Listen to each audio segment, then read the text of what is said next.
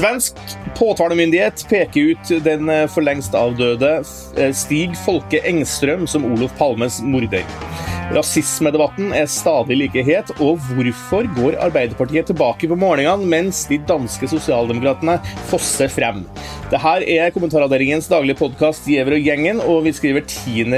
juni. Og ja, Yngve Kvistad, vår palmeekspert, palmenerd, kan vi kanskje si, eh, så fikk vi endelig da avslørt hvem det var som skjøt Sveriges statsminister for 34 år siden. Eller fikk vi nå egentlig det i dag? Ja, det er også mitt spørsmål. Fikk vi nå egentlig det? Uh, altså, vi, Det vi fikk, det var en uh, plausibel forklaring, sånn som uh, Christer Petersson har lagt kortene, eller har tatt uh, kortstokken rett og slett etter eh, forgjengerne. Uh, forsøkt å legge denne kabalen på ny, uh, og kom jo med en forklaring, sånn som han ser det, som jeg mener er plausibel, men den savner jo en del vesentlige svar på vesentlige spørsmål. Da, og, som f.eks. motiv, som f.eks. Hvordan kan man godtgjøre eh, at den antatte, jeg vil si fortsatt antatte gjerningsmannen eh, hadde med seg en revolver på jobb, at han hadde med seg den ut, at han eh, traff på Palme, var det tilfeldig? Altså, det er veldig mange, uløse, veldig mange, svar, mange spørsmål han ikke får svar på. Og det tror jeg kommer til å prege den videre debatten. Petterson sier jo nå, Riksåklageren sier jo, nei, eh, sier jo nå at uh, saken med dette uh, legges ned, eller utredningen legges ned, fordi at den antatt hovedmistenkte er død, og som han avrunder på denne måten. men jeg tror ikke at det her vil avslutte debatten om hvem som drepte Olav Palme. altså tviler jeg på. Jeg har jo sett uh, video, det var jo en video som, et intervju som ble gjort med han eh, som da ble kalt Skandiamannen senere. da, Rett etter det drapet. Han, han ser jo veldig unnselig ut. Det ser ikke ut som en farlig uh, revolvermann, akkurat. Det er jeg er på følelsen er litt enig med jeg leste han Leif GV Persson og sånn. Så hva i all verden var det her for noe, egentlig? Det, var, det føltes som et stort antiklimaks, hele pressekonferansen i dag. Ja, da, jeg, jeg sitter Eh, med den følelsen. Jeg er litt sånn utmatta, egentlig. Nå, for jeg, selvfølgelig så satt jeg, jeg sto opp tidlig i dag og begynte å forberede meg for dette og kanskje gire meg litt vel opp. Jeg var jo nok, jeg var også forberedt på at det ville bli eh, At man ville sirkle inn Skandiamann. Og det er jo ikke noe tvil at det er gjort et veldig grundig eh, politiarbeid her, men, men det koker jo ned til det. Da er det bevist uh, utover uh, enhver tvil at det var han, og så kunne man ha um, altså, og Det sa jo Petterson at den saken ville jo neppe holdt i retten uh, ut ifra det man har. Uh, så da er det liksom spørsmålet skal man Hvor rett er det Nå tenker jeg bare sånn kun ut fra rettsprinsipper. Hvor rett er det å sette, så sterk, sette fram så sterke beskyldninger mot en mann som ikke kan forsvare seg? Samtidig så jeg, jeg tenker at jeg er faktisk mer overbevist i dag enn hva i går om at han er at, han, at, at det, det større sannsynlighet for at han er skyldig enn at han ikke er det. Uh, ut fra det hvordan han opptrådte uh, rundt drapstidspunktet og tid etterpå, hvordan han plasserte seg sjøl inn i begivenhetene. Uh, jeg skjønner godt at han så mer sånn på som en sånn plageånd som prøvde å skrive seg sjøl inn i historien. Men uh, hvis man tar et steg tilbake, så kan det også være en, rett og slett være en ganske smart uh, taktikk. Da. Jeg tror ikke at han var noe, noe sånn smarting i utgangspunktet, men jeg tror at han skjønte det at ved å, ved å, ved å gjøre seg sjøl synlig, så gjorde han seg sjøl mindre mistenkelig i den sammenhengen her. da. Men eh, ok, la oss si at vi, det her er det nærmeste vi kommer en slags sannhet om det her. da, så Det, det, betyr i hvert fall det at alle de konspirasjonsteoriene, eller i hvert fall at det var snakk om en sørafrikaner eventuelt, noe, eh, han Holmer, han snakka selvfølgelig om de kurderne og alle andre tingene. Er det her noe, er det, er det liksom sjekka ut at det var ikke noe stor konspirasjon bak drapet på Olof Palme? Ja, akkurat der syns jeg at, eh, at begge de to var ganske tydelige i dag. Eh, på at de har, altså de har åpenbart ettergått alle de konspirasjonsteoriene på nytt. Og de har ikke funnet noe, noe som bygger opp under det. Det nærmeste og mest interessante, som Petterson sa, det er jo dette Sør-Afrika-sporet. Hvor man langt på vei kunne ha i hvert fall funnet en slags, en slags forklaring, da, i og med at det også er spilte inn navn der i forbindelse med en høring i den uh, sannhetskommisjonen. Det sjekka ut helt ennå, eller? Det sjekka ut, for at man, uh, man, finner ikke det sannsynliggjort. da. Uh, og da Igjen så er det mer sannsynlig at det er at det er denne litt ensomme ulven som har gjort det, og at det hele tatt var at det sannsynligvis var ganske tilfeldig, og at det er svært banalt. Men sånn er det jo ofte, da, at eh, mange drapssaker er banale. Like banale som livet sjøl. Kanskje var det det som skjedde i gangen her. Skal vi i samme slengen bare si at eh, Lee Harvey Oswald var alene om drapet på Kennedy også? Nei, der var det en andre større konspirasjon, for det sto Cuba bak.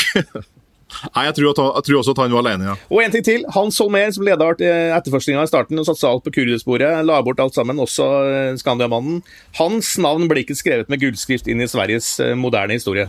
Nei, det blir jo ikke det. Og det var jo også for at han, han rota jo seg inn i en annen skandale etterpå. og sånt, og han, han han, han, han malte seg inn i et hjørne. Uh, han, altså Jeg vet ikke helt hva som skjedde, men han, han kom jo litt sånn kjapt til den saken.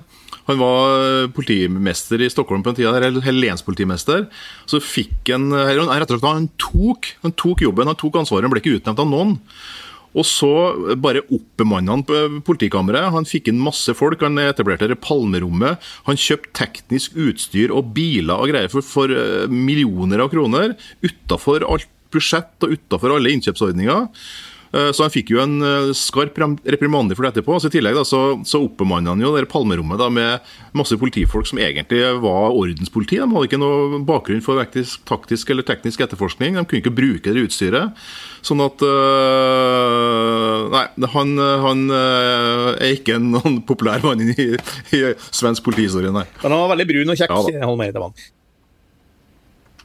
Men du, eh, vi skal, vi skal, ikke lage noe bru over til neste sak der, men det, det vi skal uh, diskutere nå, er eh, Astrid Mæland. for, for, et par uker siden så hadde vi en podkast der også hvor vi snakka om rasismebeskyldninger, at de satt for løst i samfunnet nå i forbindelse med den såkalte Ole Wever-saken i Danmark.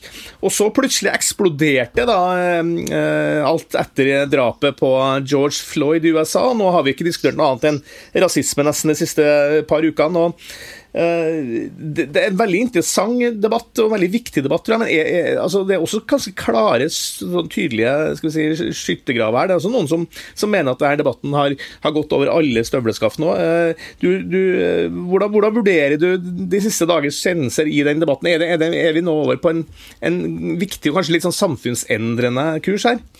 Ja, det er i hvert fall mange mm, nordmenn som de siste dagene har stilt opp i Dagsrevyen og på VG og overalt og fortalt om uh, sine personlige historier om rasisme. I Dagsrevyen på tirsdag så, så vi jo treneren, eh, den kjente treneren og programlederen Yngvar Andersen som fortalte om sine opplevelser med rasisme på fotballbanen og når han engasjerer seg politisk. Han sa at han eh, vegra seg for å være med i debatten fordi at han da ofte fikk Eh, høre at han var Han var hudfargen hans brukt mot, eh, mot den. Og i VG så har vi en eh, Ørsting og en barnevernspedagog og miljøterapeut, Jan Christer Nerbevik Humberseth, som skrev om noe av det samme. Han har fått hørt anklager om raseblanding, og han mente at det gjelder både USA og Norge, men òg i vårt eget lokalmiljø hele tida. Og så har vi jo sett mange andre som har snakka om det. Noman Bashir i NRK. Um, Siri Avlesen Østli i TV 2. Um, ja, det er mange slike historier som kommer ut nå. Hvorfor er det så man ser på sosiale medier og en del uh, andre sammenhenger, hvorfor er det så vanskelig for, for uh, majoritetsnordmenn, da, som jo vi alle her tilhører, å innrømme at det faktisk også er Vi har et rasismeproblem i Norge? Nei, Det sitter langt inn, for det er så tabus, sjølsagt, og det er så vond uh, historie. Um, jeg tror egentlig at uh, de fleste av oss har en liten rasist inni seg, hvis vi skal sette litt på spissen. I hvert fall så tror jeg vi orienterer oss i hverdagen etter fordommer. Uh, og mange ganger så må vi jo det òg, for å sette folk i boks fort, skulle du si. Eller handle fort uten å kjenne til alle detaljer og snakke med folk. Um, så tenker jeg at det som er viktig med særlig hun TV 2-programleder Siri Avlesen Østli, som skriver at eh, vi har rasisme i Norge, men kanskje merker ikke du det en gang, du. Du ser ikke det. Og det tenker jeg det er viktig med de historiene her, for at det er som hvit dame på 40, 40 pluss, så merker jeg ikke så mye til det. Men, jeg tenker at det ikke er noe stort problem, kan det òg gjøre. men det er klart, eh, minoritetsnordmenn merker det. Og jeg tror at eh, mye av det kan komme av ubetenksomhet og fordommer og hverdagsrasisme som, som folk ikke mener noe vondt med engang. Det kan kanskje bare være at en behandler folk som Uh, som de, altså, barn og tenker at de kan norsk, selv om de er erkenorsk osv. Så, videre. så det handler litt om å bare bli bevisst på de tingene der. Og, I den forstand har jo den debatten som har vært nå ganske, vært eh, ganske viktig, jeg mener sånn endrende i den forstand at eh, det går opp for en del folk da, at, eh, at det her faktisk også er et fenomen som, som finnes i Norge, og ganske mye mer kanskje mer utbredt enn det vi trodde. da, og, og, og Sånn sett så, vil, så, er vi jo inne på en ganske interessant og bra kurs nå. At, at historien her kommer fram, og at det kanskje da vil i hvert fall føre til at folk skal vi si, ja, det er en slags holdningsendring som, som mulig, kan bli en mulig eh, resultat av det her. Og Det er jo veldig positivt. Jeg tenker jo at det er litt sånn som metoo, som vår eh, politiske redaktør Hanne Skartveit har skrevet òg. At det handler ikke nødvendigvis om at en må lage noen nye direktiv eller regelverk, men kanskje bli litt mer bevisst på det. Og så tenker jeg jo det at det her er en lang prosess, at Norge har blitt et mye, mye mindre rasistisk samfunn i løpet av de tiåra som har gått. Bare du ser på en gammel eh, dagsrevyserie fra 60-, 70- og til og med 80-tallet på, på, arkivet til NRK, så blir du jo ofte sjokkert over hva folk får seg til å si eh, på Rikskringkastingen, til og med, altså i gamle dager. Eh, og jeg tenker at det går ikke lenger nå, men eh, jeg tenker det er bra at det her eh, enkeltstemmene kommer fram med historiene sine, for det er jo det som trengs for at majoriteten skal bli mer bevisst av det. Du nikker til det, Ingvar? Ja, altså, jeg tror nettopp det, altså, jeg er enig til alt som er sagt her.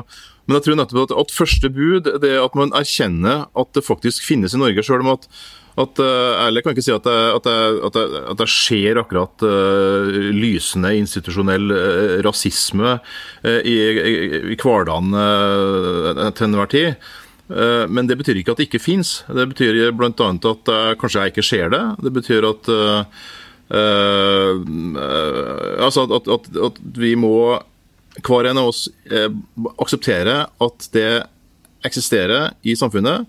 Og så er det jo det at det er, liksom, det er ikke opp til oss å definere hva som er rasisme alltid. Det er, jeg tror nok at du må ha følt det på kroppen eller erfart det for å kunne si at ja, At det finnes, da. Eh, det er jo ikke sånn at eh, rasismesaken nødvendigvis handler om innvandring, da, som kanskje noen har prøvd å gjøre det til. Men innvandring er i hvert fall et spørsmål som splitter Arbeiderpartiet. fordi jo, vi har jo stadig nye målinger som kommer nå som viser at uh, Arbeiderpartiet i Norge gjør det ganske dårlig. altså Ned på 23-tallet på siste målinga, og sånn, mens da de danske sosialdemokratene går eh, kraftig fram og fikk da på siste måling fra Voxmeter 35,5% Tode Sofie Aglen. Hvorfor i all verden er det sånn i Norge? Sånn, egentlig så burde det jo vært sånn at Jonas Gahr Støre kunne bare spasere nærmest inn i statsministerkontoret etter valget neste år. Bæres på gullstol inn i kontoret til Erna Solberg. Nei, det, en forgylt Støre. og det som kanskje er enda mer mystisk, er jo at uh, de siste månedene så har jo Arbeiderpartiet hatt en viss uh, framgang. og og mange, inkludert meg, har liksom tenkt at, uh, at det er naturlig i tid med økonomisk krise, mange arbeidsledige, mange opptatt av velferd, at, uh, at særlig Arbeiderpartiet i tillegg til Høyre vil uh, tjene på det. Og så ser vi også at Arbeiderpartiet nå begynner å vinne saker på Stortinget, noe som opposisjonen eh, er litt mer effektiv, og de har heller ikke de åpenbare personalutfordringene som de har hatt. Likevel så fikk de en markant nedgang nå, ikke bare hos oss, men hos eh, samtlige meningsmålere. og og det sier jo litt om, om sånn grunnleggende problemer for Arbeiderpartiet, uh, med tydelighet. Og jeg, jeg, tror nok at For å ta innvandring da, og Moria-saken, tror jeg er et ganske godt eksempel på hvor Arbeiderpartiet havner gang etter gang. For der uh, sto jo partiet og, lenge og forsvarte liksom, sitt primærstandpunkt, eller sin politikk, med med en relativt streng innvandringspolitikk. Også, men etter å ha forsvart det noen uker, så så ble det betydelig indre press i partiet. Og så ble pressa så kom de liksom tilbake med et sånt uh, nytt vedtak som egentlig ikke sa noen verdens ting, og som var ganske sånn uklart. Og det som da skjer med Arbeiderpartiet, at uh, liksom, de klarer på en måte ikke å stå liksom, i den strenge linja som man egentlig mener er politikken deres, og, men de klarer heller ikke å bli et godt alternativ for de som er asylliberale. Så de blir på en måte ullen. Og det, jeg tror litt det samme ser vi i de siste ukene som har handla mye om iskant og olje, oljeskatt og en del av de spørsmålene der. For det, nettopp de spørsmålene sliter også Arbeiderpartiet to. Nå er Det jo sånn, det er jo litt barnelærdom at folk som er interessert i politikk i Norge, at alle konfliktlinjene går jo gjennom Arbeiderpartiet. og Det har det jo egentlig alltid gjort. Uh, hvor, hvorfor er det så. Hvorfor? Men de, de, altså, de, har jo på en måte klart å balansere ut det her og lage en, en helhetlig politikk ut av det, til tross for de store skillelinjene internt. da.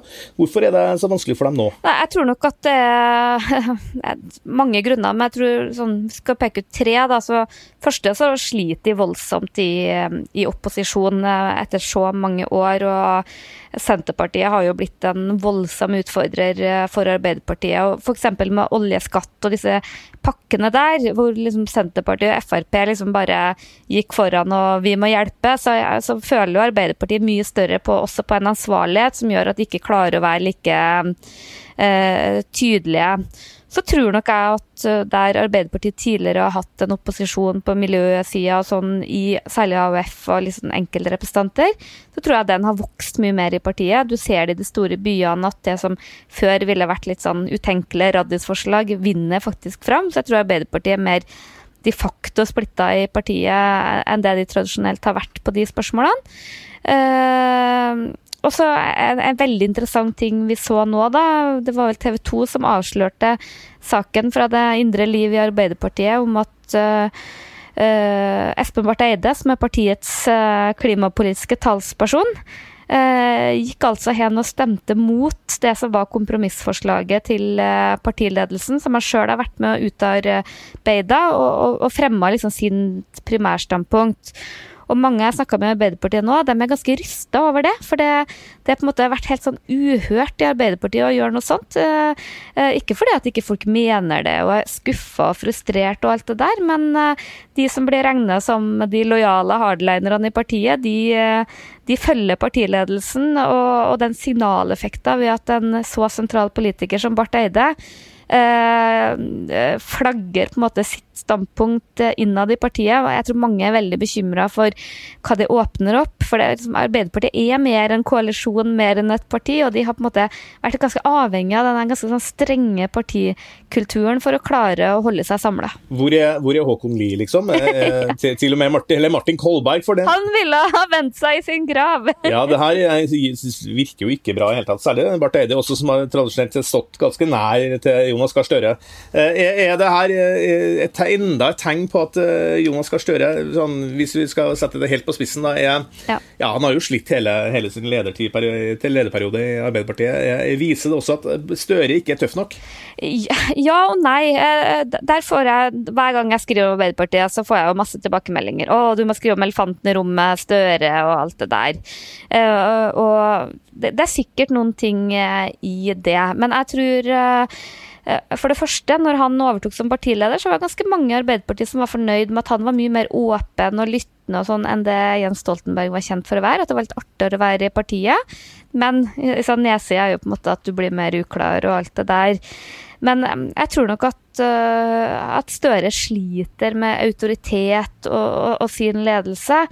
Men jeg, jeg, vil være liksom, jeg tror det er tidlig å avskrive det, for han har på en måte ikke fått den helt store sjansen heller. Jeg tror ikke Jens Stoltenberg heller hadde det som vuggegave, men gjennom mange år som statsminister og sterke posisjoner, så får du en autoritet. Så jeg tror på en måte eh, jeg, vil liksom avvente og se om Jonas Gahr Støre blir statsminister og klarer å få orden på det her, før jeg sier på en måte at han er håpløs. For jeg tror ikke heller det har vært noe lett å styre Arbeiderpartiet nå, og det er liksom eh, heller ingen åpenbare kandidater. Så å si at liksom alt ligger på han, det tror jeg er en veldig enkel analyse, da. Det har vel aldri vært lett å styre Arbeiderpartiet? Nei. Det har alltid vært et uh, rimelig hva skal vi si, mye, mye, styr internt, da, men de har i hvert fall klart å samle seg i en slags sånn demokratisk sentralisme, den gamle partikulturen for Men jeg tror det er mye lettere å styre Arbeiderpartiet når Arbeiderpartiet styrer, for da har de noe å holde på med, de er geskjeftige og i arbeid og, og, og, har makt for Arbeiderpartiet å være åtte åtte år. Du ser det på hele partiorganisasjonen, på rådgiverkorps, på alt, at, uh, at de har tatt på partiet og, og, ikke får ha en ordentlig jobb å gå til, om jeg kan kalle det det. Så, så, det er på en måte en litt sånn veldig spesiell situasjon. Og det ser vi jo i, i Danmark, hvor da sosialdemokratiet har eh, fått makta tilbake, og Mette Fredriksen går fosser fram på målingene og, og, har blitt en slags sånn landsmoder under koronakrisen. Uh, Astrid, hva er ditt take? Er det, er det, hva tror du? Sett fra kampens hvordan er, Hva er Arbeiderpartiets største problem per nå? Det er jo det som uh, Tone Sofie er inne på. Det er alltid denne kampen mellom arbeidsplasser og miljø. da. Det er jo uforenlig. Og så tenker jeg jo at uh, Jens Stoltenberg begynner å bli noen år siden han var statsminister. og kanskje fakta på bakken nå har forandra seg litt, eh, og at det er mer populært i befolkninga med de eh, syna som Jonas Gahr Støre kanskje i større grad har eh, målbåret, da, altså med miljø og eh, mer liberal innvandringspolitikk og sånn. Jeg har jo ikke akkurat noe meningsmåling foran meg som jeg kan dokumentere det med, men eh, eh, motstanden mot å hjelpe oljenæringa, blant annet, har jo vært enorm, ikke bare i miljøbevegelsen, men liksom i hele kommentariatet, for uten at de er noe eh, folk flest. da. Men eh, det, det, da er det sant. Det er jo noe med at um, Arbeiderpartiet må jo fornye seg. Kan ikke, kan ikke holde på med 2005, 6, 7 og 8-versjonen resten av 2020-tallet heller, da. Yngve, hva tror du? Blir Støre statsminister i 2021? Jeg tror det, sånn som det ser ut nå i hvert fall. Uh, men uh Målinger er målinga, og gallup er gallup, og fotball er fotball, og stafett er stafett. Og palmesaken er palmesaken. Ja, ikke minst. Men hva tror du, Hans Petter? Du spør meg? Det, ja, jeg tror det. Jeg tror det blir det regjeringsskiftet neste år. Og da blir vel Jonas Gahr Støre statsminister. Da. Det er vel ikke noe særlig tvil om at det der vender. Og, men hvis de ikke vinner valget neste år, så kan det bli ganske morsomt å følge Arbeiderpartiet da. Det er i hvert fall vi som har laga Jævri-gjengen i dag. Eh, mitt navn er Hans Petter Sjøli. Jeg sitter på Nesodden utenfor Oslo og leder sendinga her. Med oss, eller med i eh, de virtuelle studiene, skal du se. der vi sitter hjemme på kontorene til folk, er Yngve Kvistad, Tone Sofie Aglen og Astrid Mæland. Og mannen som iallfall ikke skjøt palme, eller som aldri ytret seg rasistisk, men som eh, alltid leder på målingene, er vår produsent Magne Antonsen. Vi høres i morgen.